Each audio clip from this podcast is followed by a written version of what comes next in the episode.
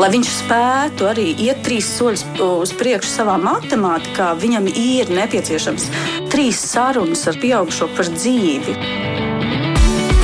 Skola un augšana, attiecības un sadzīve, fiziskā un emocionālā veselība. Par šo un daudz ko citu raidījumā ģimenes studija. Labdien, rādījums ģimenes studijas sāk savu skanējumu. Jūs sveicināta producenta Liena Vīmba, mans vārds ir Agnes Linka.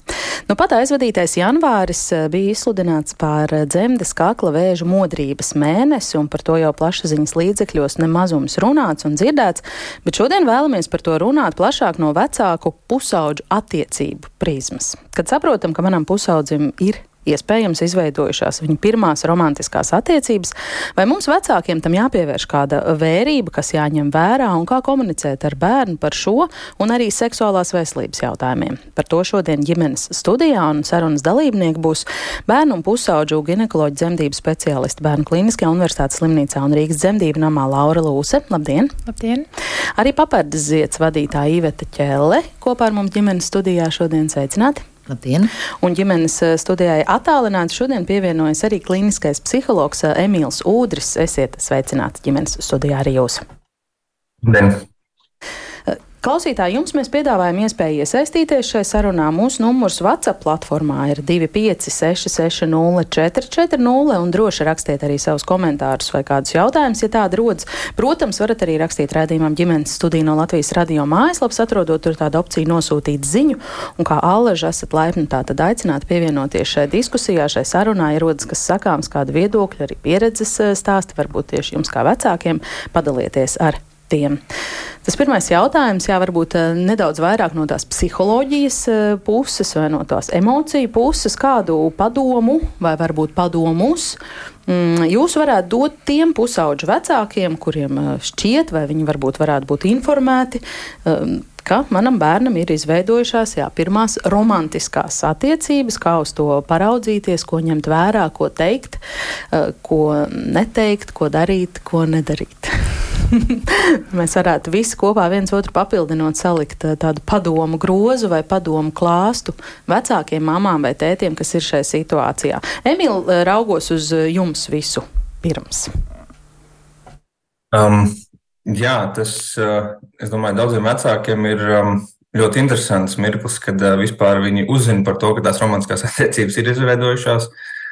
Un, un varbūt arī uh, kādam biedējoši, kādam uh, emocijas, bet katrā ziņā tā ir visnotaļ ļoti, ļoti nozīmīga daļa no pusauģu vecuma posma, kad pusauģi sāk eksperimentēt ar romantiskām attiecībām, mācās sevi atpazīt šajās attiecībās. Un, un,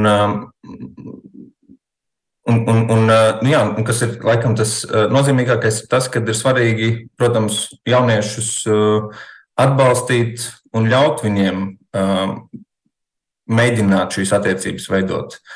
Un, un, un vecāka loma uh, kaut kādā mērā šajās attiecībās ir um, um, tāda um, atbalstoša, vēlams. Uh, jo nu, tā kā, tādā ziņā atbalstoša, kad uh, um, būt klātesošiem, vismaz pēc manas pieredzes, jo reizēm ir vecāki, kas uh, vēlas arī, nu, kas vai no aiz bailēm vai kā, un viņi varbūt arī nezina, kā rīkoties, un viņi cenšas tur izvairīties. Un, un tā, bet uh, varbūt tas arī ir kaut kas, ko pusaudzis pats vēlas, un, un arī savā ziņā to ir labi um, respektēt. Bet, um, Bet, nu jā, kas manuprāt ir svarīgākais vecākiem saprast, ka tas ir svarīgi, tas ir labi, ka pusaudzis veido attiecības, ka viņš mācās. Un uh, tas varbūt ir atkarīgs no pusauģa vecuma posma, vai tas ir uh, agrāks pusaudzis, viņam droši vien tās attiecības nebūs uzreiz uh, tik romantisks, kā mēs varētu iztēloties, kā pieaugušie, kur savukārt vecākam pusaudzim jau atkal tās attiecības būs uh, citādākā uh, līmenī.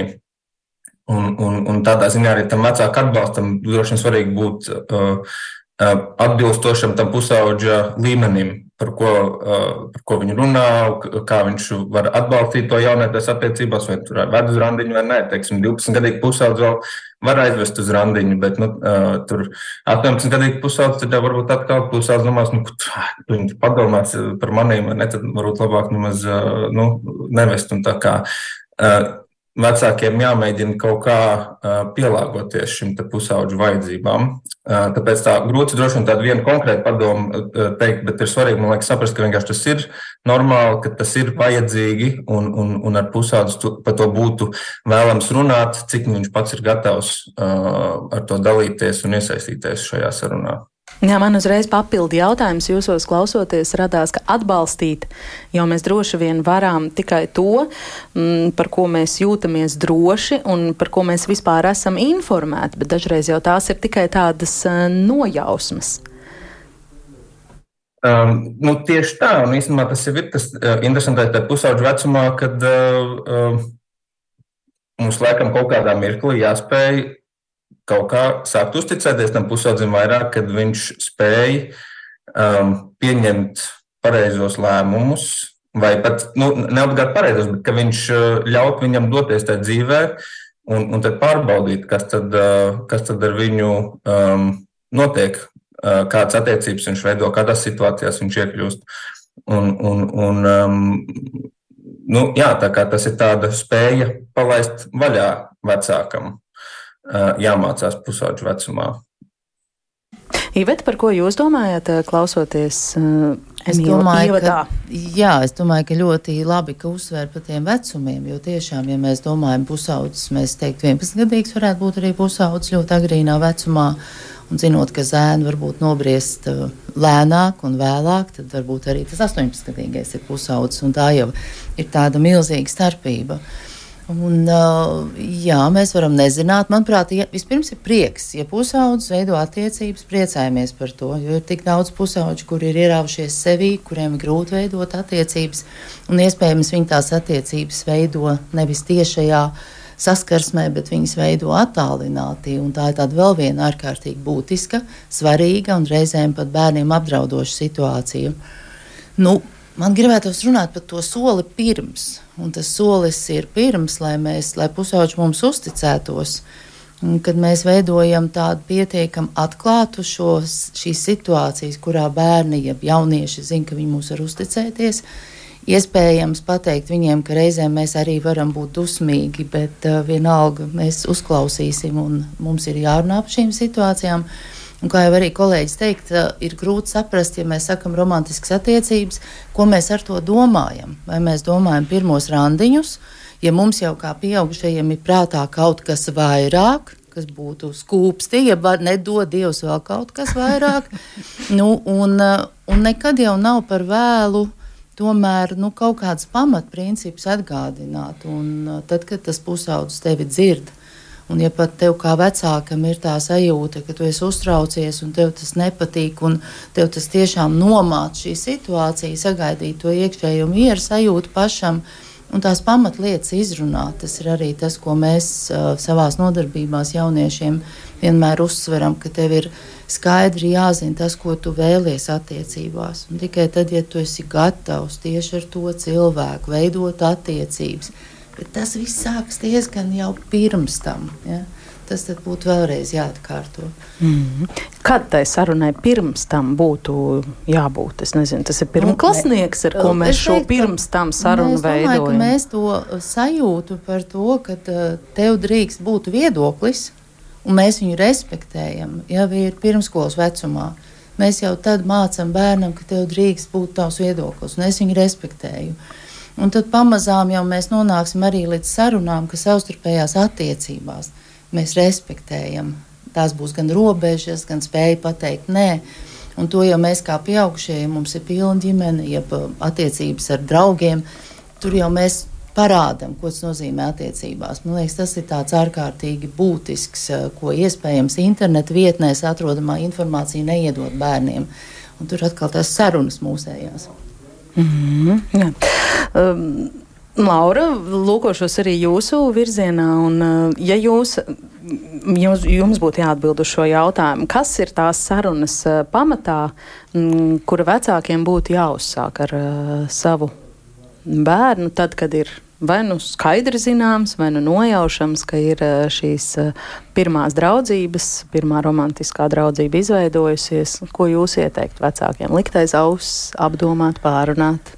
Nu, noteikti man pirmā doma, kas nāk prātā, ir nemūst. Nu, kā, jo tas pusaudzis bieži var būt spurains, un tas vecāks nav tas galvenais viņa dzīvē. Noteikti mēs zinām, ka pusauģa vecumā galvenie ir draugi ar saviem padomiem un uzsākt to sarunu. Un pārliecināties, vai viņi zina pietiekami daudz, lai pasargātu sev savu veselību. Jo strādājot kā ginekologs, ir īpaši jauniem cilvēkiem, jaunām meitenēm, Mēs redzam, ka bieži arī viņas nezina, kā sev pasargāt.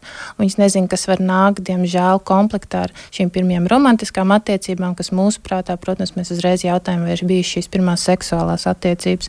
Un tad noskaidrot, vai viņi zina pietiekami, lai pasargātu sevi no nevēlamas grūtniecības un arī seksuāli transmisīvajām slimībām. Es pieņemu, ka tas varētu būt ļoti mūsinoša saruna, bet uh, es noteikti iedrošinātu jautāt. Un, uh, ja, vai arī iedrošināt meiteni vērsties pie ārsta, pie ginekologa, izrunāt un uh, uzdot sev nepieciešamos jautājumus. Pat ja viņai mūstu no tās pirmās vizītes, tad vismaz lai viņa zinātu, kad ir šis cilvēks, kur viņam uzticās, šis ārsts, pie kura viņa var vērsties ar nākamajiem jautājumiem. Mm. Tad, jā, tad tas, man liekas, atslēgas var nemūst un uzzināt, kād, kā var, nu, kad varbūt kā pasargāt savu veselību un sevi nemūst šādā sarunā ar pusaudzi vai ar uh, cilvēku, kurš ir bez piecām minūtēm pusaudzis no vecāku pozīcijām, tas vispār ir iespējams? Jo jūs esat profesionāļi, jūs iesakat nemulst. Tas ir kā? Kāds? Nu, es nezinu. Nu, droši vien ir katram kaut kādas savas tehnikas, bet es, nu, savu laiku man arī ir bijuši pusauģi. Un, Un, un, un mums katram dzīvē ir kaut kāda satraucoša jautājuma, jeb situācijas. Un es domāju, tā, tas ir kā mēs paši iemācāmies savas emocijas kaut kādā veidā vadīt, kontrolēt. Un kā mēs iemācāmies nomierināties, pat tad, ja mēs esam ļoti uztraukti un pat ja mūs pārņem kaut kādas negatīvas emocijas, nu, kaut kā nu, strādāt ar sevi. Saņemties un tomēr to izdarīt. Ja Jā, nu, vai, ne, es teiktu, nu, vai no citiem palīdz elpošanas prakses, citiem palīdz kaut kādas citas prakses. Nu, iemācīties, jo, tad, jo pusaudzis ir spurains un tas ir normāli un tas ir apsveicami, ka viņš tāds ir. Un ir fantastiski, ka viņš grib padalīties. Tas ir pieaugšanas process. Ja? Mēs nevaram būt līdzvērtīgi viņiem un arī kļūt spuraini. Neiznāks tur saruna. Ja? Mm. Tā kā mums ir jābūt tiem miera vējiem tajā trauksmēnajā periodā. Vai tas uh, vispār uh, nav par mm, šo faktu, šo robežu līniju, ka visu laiku tas bija tavs mazais bērns, un tu kā saproti, jā, tā, tā pusaudzība un pārmaiņu vecums nāks, un tad vienā brīdī uh, tas ir klāt, un, un, un tev ir jāpieņem, ka tas ir mans mazulīts, ar kuru man tagad ir jāapspriež tādi jautājumi. Emīl. Um, tas, tas ir um, um, vecākam īpaši arī pārmaiņu periods, uh, pusauģu laiks, kad vecāks uh, redz, kā viņu bērns faktiski lēnām sāk nobriest par pieaugušu cilvēku. Un, un nu, nereti man liekas, tas ir tāds mans pieņēmums, bet uh, īpaši romantisks un seks, īpaši seksuāls attiecības ir kaut kas, ko mēs stipri saistām jau ar tādu pieaugušā cilvēka uzvedību. Un, un uh, kad jau par šo ir jārunā, varbūt ar nu, pat varbūt reizēm 10, 11 gadus vecu bērnu, uh, tad jau pēkšņi liekas tā kā Um, nu, tas ir par ātru, varbūt, vai varbūt kāpēc man to runāt. Es varbūt galvā ieviesīšu nepareizās idejas, nepareizās domas. Bet patiesībā tā ir uh, nu, mūsdienu laikmetā, man liekas, īpaši uh, ņemot vērā uh, informācijas pieejamību. Bērni jau nereti paši daudz kur ātri vien visu kaut ko iemācās, salasās, uzzina informāciju. Tāpēc, nu, ja runā par to sarunu, nu, mūsu mums laikam ir arī normāla emocija, vienkārši ko izjust tajā laikā. Un, un protams, mē, nu, ja viņa traucē to sarunu risināt, tad varbūt ir jādomā, kā ar to tikt uh, galā. Bet, bet lielā mērā jau varbūt tas ir kaut kas, ar ko reiķināties un kaut kas, ar ko saskarties. Un es domāju, ja pat bērns būs samulsis un nezinās īsti, kā rīkoties, un tā visa saruna tāda savāda var veidoties. Bet beigu beigās uh, nu, ir labi, ka tomēr vecāks par to ir gatavs runāt, lai jaunietis arī zina, ka pie vecāka var vērsties par šiem jautājumiem, ka viņš arī um, laicīgi šo informāciju sniedz. Un ne tikai tā, ka tiešām, kad jaunietis uh, tur sāk lasīt internetā, no interneta sāk uh, gūt informāciju, kas arī, protams, var būt vērtīgi, uh, un, jo internetā ir vērtīgi resursi, tikpat labi var būt dažādi. Uh, nevēlami uh, informācijas avoti, no kuriem tad var kaut ko uh, samācīties. Un, un, un, un, bet, nu jā, svarīgi, svarīgi, ka vispār tā vecāks ir gatavs par to runāt un, un jaunietim izteikt šo piedāvājumu un nu, arī sākt saprast sev, kā pieņemt to, ka tas mans bērns Viņš kāp pusauģu gados, un tas jau ir ar vienu kāju pieaugušā vecumā, ka viņš pieaug. Un tas ir ļoti svarīgi šīs attiecības viņam, un, un ļoti svarīgi. Un, un, um, um, tas, jo, jo šajā pusauģu vecumā, kad viņš sāk mācīties tās romantiskās attiecības veidot, tas ir tas, kas uh, viņam īpaši palīdzēs jau esot pieaugušam, tās attiecības, romantiskās attiecības arī uzturēt, nu, vispār atrast sev īsto partneri. Jo skaidrs, ka pusauģu vecumā, tur īpaši agrie pusauģi, to, ko viņi veido tās attiecības, viņas jau nepaliek tur līdz dzīves beigām. Kad viņi satiekās, tur ir kaut kāds randiņš, viņi kaut ko paeksperimentē, tur varbūt kāds bučiņš vēl kaut kas, un tad tur atkal attiecības pārtrūkst, tad ir nākamās attiecības. Viņi mācās saprast, kas notiek ar viņiem, kas notiek attiecībās, kā citi reaģē, un, un tas ir ļoti svarīgi, lai viņi varētu pēc tam tālāk jau dzīvē veidot tās īstās nozīmīgās attiecības. Tāpēc, um, nu jā, svarīgi, ka vecāki to atbalsta, saredz to lielo bildi. Es zinu, ka Ivetē ir tāda liesmojoša, humorīga un varbūt arī netik humorīga stāsta par to, ko bērni jau līdz pieminētajam 10, 12 gadu vecumam ir jau internetā redzējuši un kā viņi to nokomunicē es, vecākiem. Nu jā, varbūt vecākiem nekomunicē. Es domāju, bērni šīs tēmas nepārunā vecākiem. Viņi varbūt savā starpā pārunā un, un mēs to zinām tikai tādēļ, ka bērni mums varbūt uzticās nodarbībās. Mēs ienākam no malas, aizējam prom un tad viņi mums uzticās. Nu, piemēram, tagad tiktu kā klejojot tāds stāsts, kad sievietēm mēneša reižu laikā iet āda. Jā. Nost. Nost, jā. Nu, viņas met tādu. Jā. Un, uh, un, un tās meitenes, kuras, kurām teica, sāk šīs mēneša reizes, un kuras ieiet šai pubertātē, un ja viņām nav neviena cita informācija, viņas tiešām arī tā domā, un viņas arī to stāst. Tas liekas, tas liekas smieklīgi, bet tas arī ir kaut kāds pamats, no kurienes tas nāk. Izrādās, ir tiktu kā pieaugšo jociņš, kur sieviete, ziniet, ir tās vienreizējās maskas, kur tu uzliec uz sejas masku, un tu mm -hmm. viņu reiz var noņemt tāds plāns. Droši vien, ziniet, dāmas. Nu, lūk, un tā sieviete noņem no to masku, viņai garām iet vīrietis un saka, ko tu tur dari. Viņa saka, nu kā tu nezini, ka mēneša laikā iet tāda nos. Ja?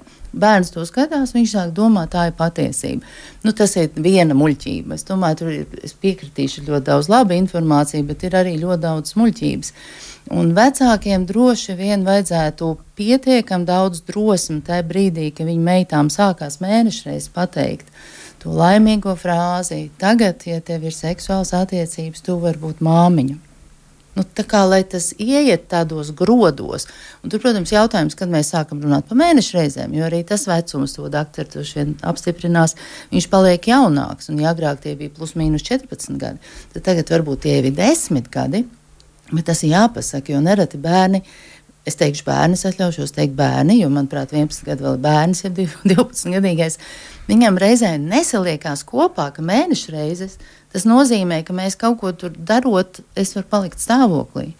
Un tikpat būtiski būtu šī atziņa arī zēniem. Ja tev ir slapjie sapņi, es apsveicu, vecos laikos gāja armijā, bet tagad tu vari būt tētis. Ja? Nu, tā kā tu sāc domāt tajā virzienā. Nu, Tas, mhm. manuprāt, ir ļoti būtiski vecākiem saprast.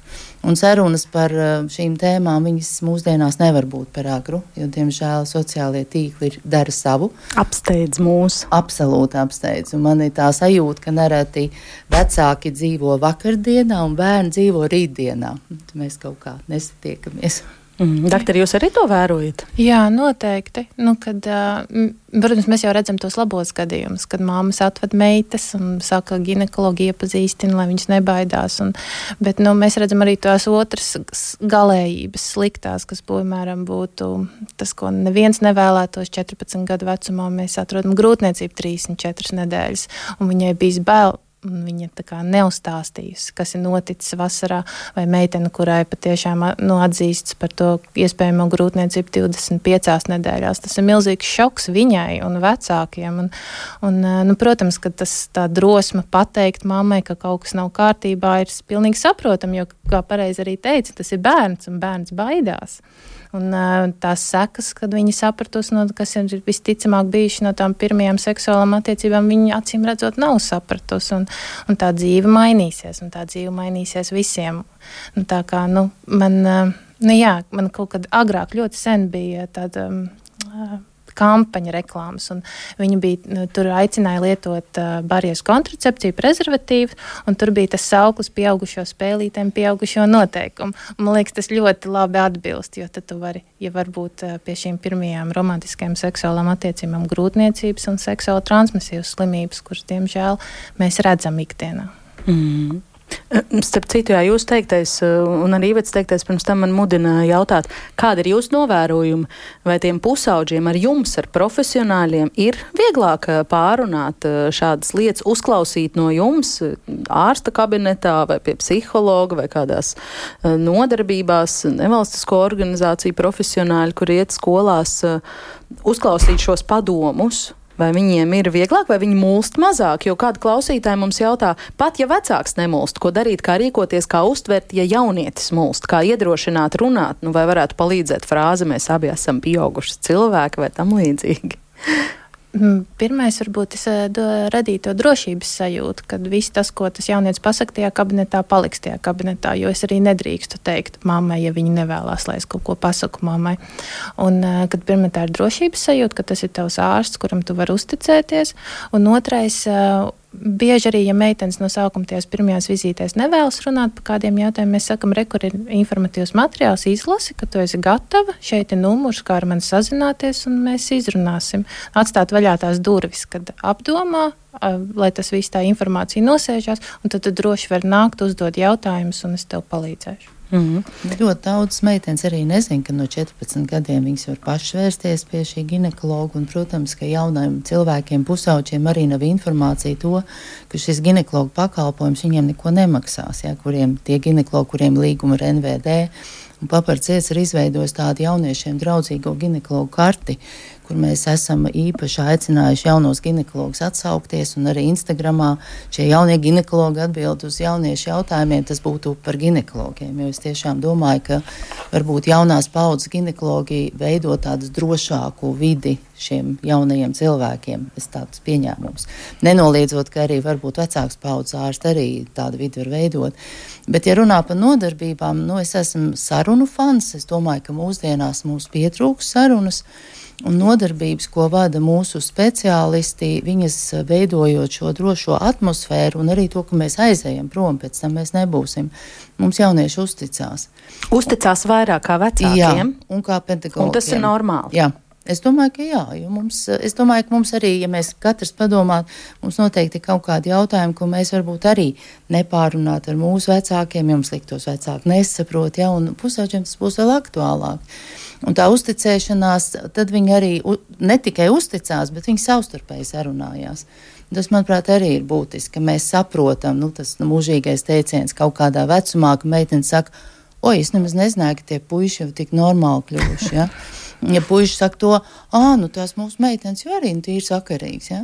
Un tās sarunas, manuprāt, viņas veicina. Bet, bet es gribu vienu tādu bet piebilst, un es nezinu, kas tur darāms. Es domāju, tur arī sociālo tīklu ietekmi pirms naktu studijas jautāja mūsu izglītotājiem, ko viņi varētu teikt šī jautājuma saistībā. Un eh, tas tie vērojumi ir tādi, ka pirmkārt ir eh, daudziem puišiem vairāk. Tiešām šī pornogrāfijas ietekme un ir tādi ārkārtīgi ne tikai aizskaroši, rupji vārdi, ko viņi lieto saziņā ar meitenēm, bet ir arī tādi aizskaroši pieskārieni, ko viņi ir apgūst šajās pornogrāfijas mācību stundās. Un ir daļa jauniešu, kuri kaut kā neizvērtē to, nu, ka tas ķermenis ir vērtība, un kur tiešām uz šīm seksuālām attiecībām, pret seksuālām attiecībām viņiem ir attieksme, ka tas jau nekas nav. Nu, tagad viens, nu, tad rīt otrs, tad trešais, un es šeit negribu vispārināt. Bet ir tādi jaunieši, un arī grūti pateikt, vai to viņiem ir radījuši šie sociālo mēdīju lietošanas paradumi, kur viņi redz šādu attiecību modeļus, vai um, kopumā mūsu kaut kāda sabiedrības norises uz to pētījums nav sniedzis atbildi. Bet tie vairāk tie vērojumi strādājot jauniešiem. Mm, kas varbūt neiepriecina. Emīl, pakāpjoties solīt atpakaļ, vai jūsuprāt um, tas ir? Mm, normāli, ka pusaudzim ir vieglāk izrunāties ar profesionāli, ar speciālistu, nevis ar mammu vai tēti, vai jūs to vērojat savā kabinetā? Kaut kādā mērā droši vien, jā. Man šķiet, ka tā mana pieredze arī ir līdzīga, kad um, jauniešiem ir vieglāk atklāties šeit nekā varbūt vecākiem. Un daļai tas ir saistīts ar to, ar to konfidencialitāti, ka, protams, vecākiem nestāst, un, un nereti jau mums ir ļoti skaidrs fokus, ko es pasaku gan pusauģi, gan vecāku priekšā par to, ka uh, mans mērķis ir uh, viņu atbalstīt, nevis tā kā vecāku mērķu sasniegt, bet sniegt atbalstu tam pašam jaunietim, lai viņš redz, ka tas ir viņa interesēs. Un, un, uh, jo, manuprāt, reizēm jaunieši baidās no tā, kad, uh, nu, kad vecāki viņus tur kaut kā vēl mēģinās, tagad viņus kaut kā pārliecināt, un viņiem kaut ko tur, uh, um, nu, tā kā pa savam izbīdīt, moralizēt. Jaunietis dara un moralizēs un, un tā, un, un tāpēc viņš tad varētu justies ērtāk, bet, manuprāt, tas um, noteikti nemazina to jēgu un nozīmi tam, ka vecākam tomēr ir ar jaunieti jāmēģina runāt. Un, un vismaz tas, ko es visbiežāk vecākiem aicinu darīt, ir, es to saucu par tādu atvērto durvju metodi, kad viņi uh, tiem, vecā, tiem saviem jauniešiem pasaka, ka viņi novēro pārmaiņas, viņi redz, ka ar jaunieti kaut kas notiek, vai viņš tur, nezinu, ir arī par citām lietām, vai saskums, vai satraukts un tā, un ka viņš ir gatavs parunāt, kad jaunietis ir gatavs, lai viņš nāk pie viņa.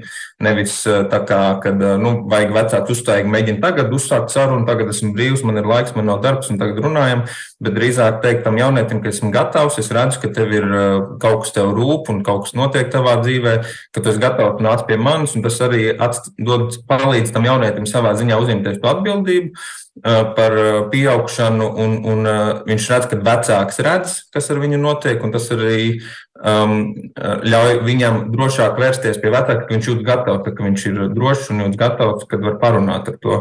Un tad arī, protams, ir nākamais solis, kad vecākam ir jābūt gatavam. Jo reizēm tā var būt, kad jaunieši varbūt ne gluži ir gatavi sēdēt pie kafijas tas un pārunāt, bet kaut kur pa ceļam kaut ko darot, vai, vai varbūt kāda aktivitāte, ka viņi sāk atvērties. Tad ir svarīgi, ka vecāks var saklausīt šo mirkli un tad mēģināt tad arī pārunāt to ar jaunieti, būt, būt gatavs tādai negaidītai situācijai savā ziņā. Ak, cik daudz ko vēl gribas jautāt papildus, to daļu mēs turpināsim sarunu ģimenes studijām. Mēs tiekamies ģimenes studijā. Un atgādināšu, ka šodien šeit runājam par to, kā ar saviem pusauģiem spriest runāt par viņu privāto dzīvi, romantiskām, iespējams arī intīmām attiecībām un seksuālo veselību. Un man saruna biedra ģimenes studijā šodien ir bērnu un pusauģu ginekoloģa dzemdības speciāliste Laura Lūsa, biedrības papardziets vadītāja Iveta Ķēle un klīniskais psihologs eh, Emīls Ūdris arī dzen. Ja stāsta, eh, ir tāda frāze, kas vairākas reizes šeit ir ieskanējusies, bet ja nestāsta, ja nestāsta neko, eh, cik lielā mērā jūs, prāt, vecākiem ir pašiem jāinicie šīs sarunas, tā teikt, jābāž savus deguns vispār tīņa privātajā dzīvē, ja viņš par to nebilst ne vārda, un kā tad turēt rūpi par to savu bērnu, arī respektējot tomēr viņa privātumu pāri visam. Būs šeit kāds zelta padoms. Man liekas, ka tāds zelta padoms nav, jo katrs vecāks jau jūt savu bērnu nu, savādāk. Tu zini, ka, bet, nu, nu, nu, jā, nu, bet, nu, Es nezinu, man liekas, ir adekvāti vismaz vienreiz apvaicāties, kā tev iet. Jo nu, tās pirmās kā tev iet mīlas dzīvē? Nu, nē, nu īsti nē. Nu, kā tu jūties? Nu, kā tu jūties? Mēs jau zinām, ko draudzēs mūsu bērni. Mēs jau zinām viņu draugus. Un, protams, pusauģu vecumā mēs neizsakosim visu laiku līdzi. Bet tu, nu, kā tu jūties? Kā tev iet? Vai, nu, nu, tas, nu, varbūt tās sarunas, un tad pastāstīs tas bērns. Un tad mēs apmēram zināsim, kas apmēram notiek. Mums jau nevajag jau uzreiz tos tiešos jautājumus jāuzdod. Nu, man tā liekas. Ivet? Jā. Tas, tas tiešām ir sarežģīts, piekrīt. Daudz vecāku saka, nu, kā lai es uzsāku šīs sarunas, jo es neesmu līdz tam runājis. Un es piekritīšu psihologu teiktajam, ka ir um, nu, izvēlēties to vietu un to laiku. Un es ļoti ceru, ka ģimenēm vēl ir vieta un laiks, kurā viņi sarunājās. Nevis katrs sēž savā ierīcē, kā arī notiek.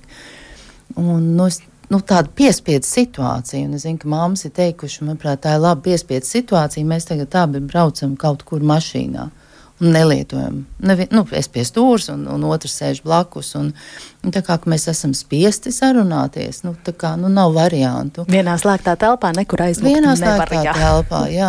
Un tas, tas, es domāju, varbūt tāds ir padoms. Man jau patīk arī tas, ka, ja ģimenē ir kopīgi paradums skatīties kādu mākslu, vai tā būtu, nezinu, opera, gleznotāja māksla, vai tā būtu kino vai fotografija, mums ir katram ir kaut kas, ko mēs varam kopā darīt. Ja pārgājienu ideāli ar nakšņošanu pie ugunskura vēlams zonā, kur nav internets, bet Latvijā tāda nav. Nu, jā, bet, bet kas vēl ir, ka tie noteikumi par šo sarunāšanos, ja par sociālajiem tīkliem mums pašiem pieaugšiem tad būtu jāievēro. Nu, ja mēs sakam, nu, svētdienas pusdienas, ja brokas būs tas laiks, ka mēs sēžam un sarunājamies. Un tur nav tie interneta tīkli. Un man liekas, ka vecākiem arī būtiski, nu, ja mēs īsti nezinām, kā tādā tiešā veidā uzbrukt savam bērnam ar šīm sarunām, uh, nu, meklējam informāciju. Šobrīd ir tik daudz, kas Latvijā notiek saistībā ar seksualitāti, ko mēs lasām, kam mēs sekojam. Nu, pārunājam ar mūsu pusauģiem, pārunājam par to, ka mums ir Latvijā 14-gadīgas meitenes, kuras ir grūtnieces, un nu, savstarpēji pārunājam, nu, kā mēs domājam, kāds varēja notikt, un vai šie bērni, jaunieši bija tam gatavi. Uh, Nu, tādās sarunās, pat ja tas pusaudzis purainais izliksies, ka viņu tas neinteresē, un izliksies, ka viņš nedzird, nu, ticiet man, viņš dzirdēs, mm -hmm. ja, un viņš pēc tam varbūt savā draugu lokā pārunās, ah, tu zināji, iedomājies, nē, nu es gan nebūtu 14 gados gatavs, ja, 15 gadīgais, piemēram, tā teiks. Nu, šīs situācijas vienkārši tiešām mēģināt atrast veidu, uh, šīs sarežģītās tēmas izrunāt, nu, bet ne direktīvi un ne autoritatīvi. Mm -hmm. Tas bija ļoti labs padoms, starp citu, izstāstot šādus it kā šokējošus piemērus. Jā. Iespējams, ka tas ir veids, kā uzsākt jā, šādu sarunu. Emīla, vēl kaut ko jūs liktu? šeit klāt. Varbūt, ka es varu arī jums uzreiz uzdot uh, nākamo klausītāju jautājumu, pāradresēt, pēc tam arī, protams, citi par to varētu izteikties, vai atšķirsies šī saruna uh, par attiecībām runājot ar puisi vai ar meiteni. Emīl? Um, nu, jā, par to sarunas veidošanu. Kaut kādā mērā man jau nāca prātā, varbūt arī tāds plašāks spektrs, jo to jau īsti nevar izslēgt arī no attiecībām kopumā, kādas viņas ir, kādas viņas ir veidojušās agrāk. Un kā Iveta, man liekas, teica par to, ka nu, jau no pirmsskolas vecuma ir svarīgi, kad mēs tās sarunas kaut kā mēģinām tajā ģimenē uh, uzglab, uh, veidot uh, un to atklātību. Uh, un īstenībā no vienas puses, man liekas, nekad nav par vēlu kaut ko iespējams mainīt, mēģināt kaut ko mainīt, kad, teiksim, sākt ieviest šīs sarunu tradīcijas ģimenē. Tāpat laikā droši vien, ka pusauģa vecums būs tas vecums, kad visgrūtāk to varētu būt mainīt, ka pusaudzis varētu vairāk tam pretoties. Bet uh, savā ziņā, nu, pat ja pusaudzis uh, tam pretojās, ir labi, ka vecāks tomēr var saglabāt šo te uh, vēlmi. Nu, tīri tā, ka kā jau teicu, norādīt nu, tā, liekas, pusaudzim to, ka uh, viņam ir kaut kāda interese, ka viņam rūp, kad viņš būtu gatavs runāt. Pat ja pusaudzis nav gatavs tagad runāt, ka var piedāvāt tīru un varbūt pa laikam var atgādināt to, bet nu, tā īsti uzspiest droši vien, ka nevarēs. Bet nu, kaut kādas jācaur aktivitātēm vai filmām. Gana daudz tagad visādas filmas, ko var kopā nostīties, kas ir par līdzīgām tēmām, un tad mēģināt pārunāt šīs tēmas arī nu, tādā formā. Turklāt, man liekas, arī ir visādas galda spēles tur ar tādām ievirzēm par romantiskām attiecībām, vēl kaut ko, un, un, un arī nu, caur, caur to var kāds mēģināt, nu, tā kā tādā ziņā nedaudz ar tādu radošumu tam pieiet. Um, jā, un par to atšķirību starp zēniem un meitenēm. Uh, nu, tā uz sitienes tagad uh, nevaru uh, uh, iztēloties tieši kā, bet savā ziņā jau, protams, man liekas, ka varētu būt nu, tīri praktiski, loģiski, kad ir atšķirīgas šīs te, uh, lietas, ko runāt par dzimumu attīstību un, un, un, un tā, bet um, dzimumu atšķirībām, bet, bet tīri tādā attiecību līmenī. Um, kaut kādā mērā tās vajadzības jau daudz kur ir, ir līdzīgas. Par, nu, tīri no psiholoģiskā viedokļa domājot par to nepieciešamību tās attiecības veidot, par nepieciešamību saprast, kurā mirklī es jūtos komfortabli attiecībās, kurā mirklī tā intimitāte ir pārāk tuva, vai es spēju tās robežas novilkt attiecībās, vai nē. Un, un, un, un um, uh, kaut kādā mērā tas jau uh, attiecās uz abiem dzimumiem uh, tādā ziņā. Un, un, um, man drīzāk nāk prātā varbūt tādas, nu, tiešām, kas jau vairāk ir individuāli katram jaunietim svarīgi, kad, nu, varbūt tādas uh, vispārējais vadlīnijas var būt, bet uh, katram jaunietim var būt atsevišķi tiešām ļoti specifiski jautājumi. Un īstenībā tas var būt arī kaut kas, kas var vecāks reizēm izsist no sliedēm, kad jaunietis ļoti konkrēti jautā, es nezinu, vai man pirmajā randiņā vajadzēs tagad mīlēties, piemēram, vai kaut ko tādu, un, teiksim, vecāks nav gatavs jautājumam un nezinu, ko tagad teikt, atbildēt. Bet nu, jauniešiem kā reiz tāda var būt kaut kādas šīs savādā, nu, nosacītas savādās idejas, kas kaut kur viņi ir aizņēmušies, vai no draugiem, vai kaut kādas sociālo tīklu uh, informācijas. Un, un, un, uh, Tā kā būt gataviem tam, bet kas reizēm, protams, var būt, kad vecāki var norēģēt spontāni, pārāk samulstot vai, vai nu, tā kā varbūt nokomentējot, ka nu, tā gan ir dīvaina ideja vai kaut ko, un tas, protams, jaunietī var rast, nu, kurš jau tā jūtas nērti. Protams, tā sarunā var rast vēl lielāku tādu vēlmu distancēties. Labi, es varbūt tad vispār neko nejautāšu vairāk, ja reiz šis jau liekas dīvaini. Jā. Un, un tā kā mēģināt uh, tomēr, um, nu, jā. Um, pieņemt, lai arī cik savādi tie jautājumi varētu būt, tomēr mēģināt pieņemt uh, šo, to, ka tie jautājumi var būt ļoti dažādi un savādi. Un, un man liekas, jā, uzreiz par to dzimumu specifiskumu man uzreiz prātā tāda nenāk tieši um, tās atšķirības, tik daudz varbūt kolēģi var komentēt par to vairāk. Jā, Iveta, starp citu, nesen tieši norādīja, nu tās atšķirības, ko jūs sakāt, izglītotāji ir norādījuši puišiem vairāk vērojama porno skatīšanās ietekme, un tad viņi ir tādi vai citādi pret meitenēm attiecībās. Un tur jau rodas tā atšķirība. Jā. Tieši ir ļoti mums daudz skolas, kuras aicina klābēju zvanu, kad ir puišiem šāda uzvedība. Un, nu, nu, protams, tas nozīmē, ka tā saruna ir kaut kādā veidā jāveido atšķirīga. Nē, Nē, viņi varētu būt uh, abiem dzimumiem kopā. Mm -hmm. jā, atš... Arī ģimenes ietvaros. Tas nav jā. tā, ka mamma runā ar meitu par sieviešu lietām, Lab, runā ar dēlu. Es domāju, ir ideālā pasaule un realitāte. Ideālajā pasaulē būtu, protams, ka ir atsevišķi mammai sarunas ar meitu un ir atsevišķi mammai sarunas ar dēlu kur mamma var dalīties varbūt kaut kādā pieredzē, mm. kur viņas attiecības arī nelaimīgi beidzās, jo tam mēs nepieskaramies šodien. Bet pusauģiem reizēm tā var būt absolūta traģēdija, ka viņa pirmās attiecības, viņa pirmā lielā mīlestība ir izjukusi. Ja? Tā kā šīs sarunas var būt mammai ar tēlu, mammai ar meitu, tētim ar dēlu, tētim ar meitu. Un ir īpaši svarīgi, ja var atrast laiku viens ar viens parunāt par šīm nu, jā, tēmām. Jo pie tā svētdienas brokastu galda tur jau visi kopā es kaut kā stipri šaubos. Nu, nē, Tas ir ļoti labi, jo tad parādās arī tas, kas ir visa, visu dzīvi, kad mēs redzam, cik atšķirīgi mēs varam paskatīties vai nu uz vienu mākslas darbu, vai nu uz kādu filmu, jeb uz kādu notikumu. Un es domāju, ka vecākiem vēl viena svarīga atziņa, un tāpat ir skolotājiem, vispār pieaugšiem, atzīt, ka mēs reizēm arī varam kaut ko nezināt un ka mēs arī varam kļūdīties. Un to pateikt šiem pusauģiem, ups, es nezināju, ja manā laikā tā nebija. Tad, kad es augu, nu, nebija tāda informācija, vai tu man vari to pastāstīt? Un tā jau mēs arī veidojam tādas līdzvērtīgākas attiecības. Mm -hmm, jā, um, Laura, jums droši vien nav vērts jautāt, kā jums liekas, ko vajadzētu stāstīt puišiem, jo jums tomēr vairāk darīšana ar meitenēm. Nu, jā, bet nu, klausoties iepriekš teikto, varbūt tā ir cieņa cieņu pret sevi un cieņu pret apkārtējiem. Tu cieni arī tos apkārtējās klases biedrens, un, ja tev, nu, kā jau saka, ģimenē ir ieaudzinātā cieņa pret sevi un apkārtējiem, nu, tu neatļausies tā uzvesties. Pat, tad ja būs ļoti daudz porno saskatījies. Nu, jā, tad tā, tā kā pret klases biedriem tā kā varbūt nevajadzētu tā, un tad atgādināt to cieņu pret meitenēm, un meitenēm, protams, atgādināt arī apkārtot. Un, nezinu, man liekas, tas jau tā kā pamats, ko mēs ģimenē ieaudzinam, un kas ir, manuprāt, ļoti, ļoti svarīgi. Nu, ģimenē, un es gribētu teikt arī skolā skolā. Tas būtu skolotājiem tāds milzīgs darbs, tomēr vērot un šādās situācijās iejaukties un, un tiešām šīs pārunas rosināt. Un, ja ir vajadzība, tad ņemt tālāk gan vecākus, gan psihologus, ja skolā, sociālais darbinieks, šādas situācijas nepalaist garām. Jo tas spēja tiem bērniem, pret kuriem notiek šāda veida nu, vai nu apspiešana, ja pieskārieni, tas spēja atstāt tādu ļoti varbūt, nopietnu kaitējumu viņu dzīvēm. Jā, tieši tā. Nu, aicināt runāt par to un neklusēt. Jo es, es pilnīgi varu iedomāties, ja ir ilgstoši tādas situācijas, tad gan tās, nu, kā tas otrs cilvēks jūtās, kad, kad viņš stāsta savu sāpi un netiek nekāda reaģēts. Ir īpaši skolā, kur tik daudz cilvēku un nu, ikdien, ikdienas dzīve rīt bērnam.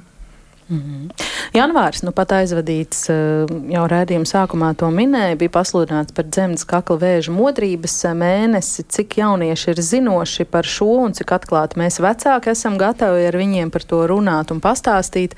Um, arī tas ir eh, kaut kas, par ko gribam vēl runāt šīs dienas rādījumā. Ilustrācijai es šodien gatavojot rādījumu scenāriju uzgāju kādu citātu ko nolasīšu no LSMLV um, portāla bērnu un vecāku sadaļas, kur uh, sadarbībā ar projektu Zināt iekāre LV, jā, papardziets arī laikam tur ir iesaistīts un pusauģu resursu uh, centrs. Um, tur ir dažādi jautājumi un atbildes, pusauģu jautājumi un, uh, un profesionāļi atbildes, un kādas pusaudzes vēstuli citēšu. Man ar māmu ir ļoti labas attiecības, varam runāt pilnīgi par visu. Vienīgā lieta, par ko mēs nekad nerunājam, ir viss, kas saistīts ar seksu. Man liekas, viņa par to ar mani gribētu runāt, bet kautreiz, protams, tā nav liela bēda. Mūsu skolā bija atbraukuši cilvēki, kas visu pastāstīja, un mēs varējām uzdot visus sev interesējošos jautājumus. Vairāk vai mazāk visu zinu. Pirms dažām dienām māma teica, ka man būšot jāaizbrauc pie ārsta. Viņai prasīja, kāpēc, jo es jūtos vesela, bet viņa sacīja, ka man būšot jāvakcinējas pret cilvēku papilomas vīrusu. Veidā, kā viņa to pateica, es sapratu, ka tas vīrus vīrus kaut kā ir saistīts ar seksu, bet bija tikpat izvairīga. Es par to pastāstīju savām draudzenēm, pāris draugiem, bet arī viņi nezināja, kas tas papilomas vīrus īsti ir. Dažas manas draudzenes teica, ka iespējams pret to jau esot vakcinēts, bet arī viņas nebija īsti drošas. Mani draugi par tādu nebija dzirdējuši vispār. Kā jums šķiet, kādu ainu reālu vai kaut kādu nepatiesu atklāja šāds pusaudzes stāsts? Nu, man tas atklāja visiem zināmo tēmu un problēmu, ka Latvijā mums ilgstoši nav veselības izglītība. Un ir jautājumi medicīnā, un medicīnā šobrīd tik daudz, ka mainās informācija un, un atziņas, ka vecāki vieni paši pedagogi, ja viņiem nesniedz, ja bērniem nesniedz šādu informāciju, viņi jau neuzzina. Un tas nav arī tas, ko tu meklē sociālos tīklos. Mm -hmm. Jā, nu, tieši tā, ka uh, pusauģiem būtu jāzina, kas ir papilons vīrus, un ka papilons vīrus, ja tu savas dzīves laikā dzīvos dzimumu dzīvi, to ar viņu saskarsies. Jautājums, vai viņš saglabāsies vai atbrīvosies no viņa, un kad uh, Latvijā ir nepiedodama augsta saslimstība dzemdas kakla vēzi. Un tas jau arī atspoguļojās. Ja, mūs, uh, ja mūsu sievietes būtu pietiekami izglītotas un uh, regulāri un laicīgi vērstos pie ginekologa, šī slimība ir novēršama ar viņu vispār varēja nesaslimt. Tādēļ katrs no šiem gadījumiem ir traģēdija īstenībā savienībā. Un arī pieņemšanas laikās ir mammas ar meitām, un mēs prasām, vai ir vakcinācija pret šo cilvēku papilomas vīrusu, un aicinām to darīt un uzdot jautājumus. Pat ja mammas no sākuma ir, mēs neesam par to domājuši, tad mēs vismaz uzsākam to sarunu un ir jāvakcinējas, un mēs varam novērst lietas, kas vispār var nenotikt, un sa sa sagādāt meitai problēmas, kuras vispār var nebūt. Tādēļ, jā. Nu, vai šī, vai šī, jā, lūdzu. es gribētu piebilst tikai, uh, kad arī šobrīd zēns var vakcinēt. Jā, protams. To arī. Uh, es domāju, daudz vecāki nezina. Jā, tas, tas ir pārsteidzoši, jo man šķiet, ka plašsaziņas līdzekļi runā par to nemitīgi, bet vai arī šī vecāku tāda kā mm, piesardzība vai izvairīšanās, kā šeit. Nu, māma sacīja, man būs jāvakcinējas pret cilvēku papilomas vīrusu. Sapratu, ka kaut kā saistīts ar seksu, bet māma bija mm, izvairīga. Vai tas arī nav tāpēc, ka vecāki atsakās īstenībā pieņemt, ka tas mans bērns var drīzumā sākt dzīvot dzimumu dzīvi, un mēs tā kā neesam ar mieru 12 gadu vecumā par to domāt? Nu jā, varbūt patiešām tā ir tāda stratēģija, kad es nevēlos par to domāt, un tā ir saruna, ko es negribu veikt, un tad vienkārši atliksim, nu, atliksim ne to. Tagad, nu ne jau tagad, nu kā viņš taču ir tik maziņš. Bet tā būtu tik skaista saruna. Meitiņa tev ir mēnešreiz, un tu pamazām pieaudz. Un tad, kad tu būsi pieaugusi un tev iespējams būs, nu, iespējams jāsaka, vai ne, būs seksuāls attiecības un ir tāds vīrus, kurš tad iespējams var, nu, tā saruna iznāk diezgan sarežģīta, tev jābūt zinošam, vai ne, lai tu paskaidrotu par šo vīrusu. Un kad ir vakcīna, kur tev var no tā pasargāt. Es domāju, tas ir, bet redzi, Tas es... ir tas racionālais stāsts un visa racionālā sižeta līnija, bet tur apakšā ir tās vecāka emocijas un bailes īstenībā no šī. Bet ko tad tie vecāki domā, ka tiem bērniem nekad nebūs seks no otras puses? Nu, tie, tie, tas ir viens no mītiem, ja mēs to runāsim, tad bērnu uzsāks agrāk dzimumu dzīvi. Nu, nav tā. Nu, nav. Un, ja mēs tajos mītos dzīvojam, tad, protams, mēs to nerunājam. Tad ir ups 35. grūtniecības nedēļa. Nu, tā ir tā realitāte. Un, un vecākiem es tikai un vienīgi varētu aicināt paskatīties TikTokos, ko jaunieši tur redz un skatās, un kam viņi seko. Un, un saprast, ka tie pūkainie, baltie, mazie bērni, kas lien klēpī, viņi kaut kad beidzās. Mm -hmm. Emīlija, jums par šo komentāru? Um, Nu, jā, tas tā šķiet pilnīgi iespējams, ka tā arī ir, kad vecāki var negribēt skatīties, tā patiesībā attīstība. Tas var būt izaicinoši. Savā ziņā tā bērnu pieaugšana daudziem ir, ir izaicinoša. Un, un, um, Bet, nu, atskaitot no tādām individuālām konsultācijām, kuras, protams, varu jau konkrēti runāt ar vecākiem un, un, un palīdzēt viņiem apzināties šo un palīdzēt apzināt viņu kaut kāds izaicinājums šajā procesā, tad nu, tādā plašākā sabiedrības līmenī man laikam ir grūti dokumentēt, kā to var mainīt vai ietekmēt, bet nu, savā ziņā nu, tas ir tāda. Um, No vienas puses, tāda vecāka lomas apzināšanās, jo vecāka loma jau nav tikai tās manas emocijas un kā, ko es daru ar to, ar tām savām domām par to, kā tam bērnam vajadzētu augt, bet patiesībā nu, vairāk rīkoties bērnu interesēs. Ja mēs tā eh, godīgi skatāmies, tad bērnu interesēs ir tas, kad vecāks runā ar, ar savu bērnu par to. Un vairāk jau tā nerunāšana ir saistīta ar to, ka vecākam ir kaut kādas savas grūtības, eh, nu, visdrīzāk emocionāli saskarties ar šo eh, sarunu tēmu. Un, un, un, um, nu jā, tāpēc nu, tā, um, nu, tas būtu svarīgi, ka vecāki to, to varētu labāk apzināties un, un saprast to savu atbildību šajā ziņā, nevis nu, būtībā izvairīties no šīs atbildības. Bet te, te ir viena laba ziņa. Tajā visā mūsu sarunā uh, reproduktīvās veselības pētījums parāda arī to, principā vecāki runā mazāk, bet jaunākās paudzes vecāki salīdzinoši ir gatavāk runāt. Ja? Jā, tā ir labā ziņa par reproduktīvās veselības pētījumu. Nākamnedēļ šeit eh, ģimenes studijā mēs eh, runāsim, ja es pareizi atceros eh, mūsu plānus. Zanda mums vaicā, viņas dēlam ir 13 gadi. Puberitāte ir vēl tikai pašā sākuma posmā, vai vajadzētu viņu vakcinēt pret cilvēku papilomas vīrusu, cik zinu, zēniem arī iesaka šo poti. Jā, jā. īsā atbilde no Lauras puses ir jā. Kāpēc? Tāpēc, ka tāpat kā meitenēm, tāpat kā puišiem, var būt šī cilvēku papilāmas vīrusu saslimšana, ir pierādīts, ka, ja vakcinē zēnus, tad samazina vispār šī vīrusu cirkulāciju sabiedrībā.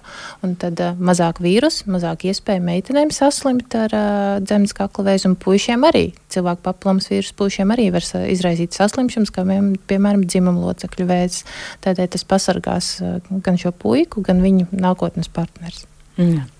Kaut kā tā ir izveidojies, ka tas, tas ir mīts laikam par to, ka tā ir tāda meiteņu vakcīna, un tagad atkal savā ziņā ir jāpārprogrammē sabiedrības skatījums uz šo, ka arī zēnu vecākiem uh, der par to uh, domāt un rūpēties ne tikai meiteņu labklājības pēc. Jā, Ivet. arī pašu, pašu zēnu pēc, jā, jo tur ir, man liekas, dažādi audzēji, kas varbūt jā. ja puišiem ir, tā kā par to ir vērts aizdomāties, jā ja, ja negribas domāt par tām nākotnes sievietēm, ar kuriem puišiem būs konteksts, tad arī par šo puišu veselību. Jā, tieši tā, par pašu puišu veselību. Mm. Ievet pāris ļoti labas frāzes un labas tādas padomus deva, kā tiešām uzsākt šīs sarunas, vai nu kaut vai caur ziņu sižetiem, kādiem satraucošiem vai, vai, vai, vai kādām filmām. Un tad man patika arī ļoti tā jūsu piedāvājums mēneša reizes vai slapjie sapņi, tā ir tava iespēja tagad kļūt par vecāku. Vai ir vēl kaut kāda tāda praktiska iesā, ieteikuma, vai nu, kā sākt šīs sarunas, tomēr vēl rezumējot? Kas ir tas, nu, kā jūs parasti sākat šīs sarunas ar meitenēm, kas varbūt pavisam jaunas nonāk uh, pie jums? Arī tad, ja nav grūtniecība, nu, cik gadu vecumā ir jūs jaunākās pacientes? Nu, mums ir jau jaundzimušiem līdz 18 gadiem. Uh, tā kad uh, mums ir viss bērni ir no piedzimšanas mirkļa līdz 18 mm. gadiem. Tad uh, mēs jautājam, kāda ir pubertātes vecumā? Mēs prasām, vai viņai ir sūdzības, tad viņa pastāsta, piemēram, un tad jaut, nu jā, mēs pastāstam, vai tās sūdzības ir pamatotas vai nē. Mēs veicam apskati, pastāstam, piemēram, bieži meitenes sūdzās par to, ka varbūt jūtīgākas krūtis, viņas sūdzās par sāpēm mēnešu reižu laikā. Mēs paskaidrojam, kāpēc tas tā ir, paskaidrojam par menstruālo ciklu. Uh, nu jā, un tad viņas zinot vairāk jūtas drošāk, Un tad, protams, mēs atstājam, ja tev ir kādi jautājumi, nāc atkārtot. Mēs pastāstām, kā sazināties ar mums.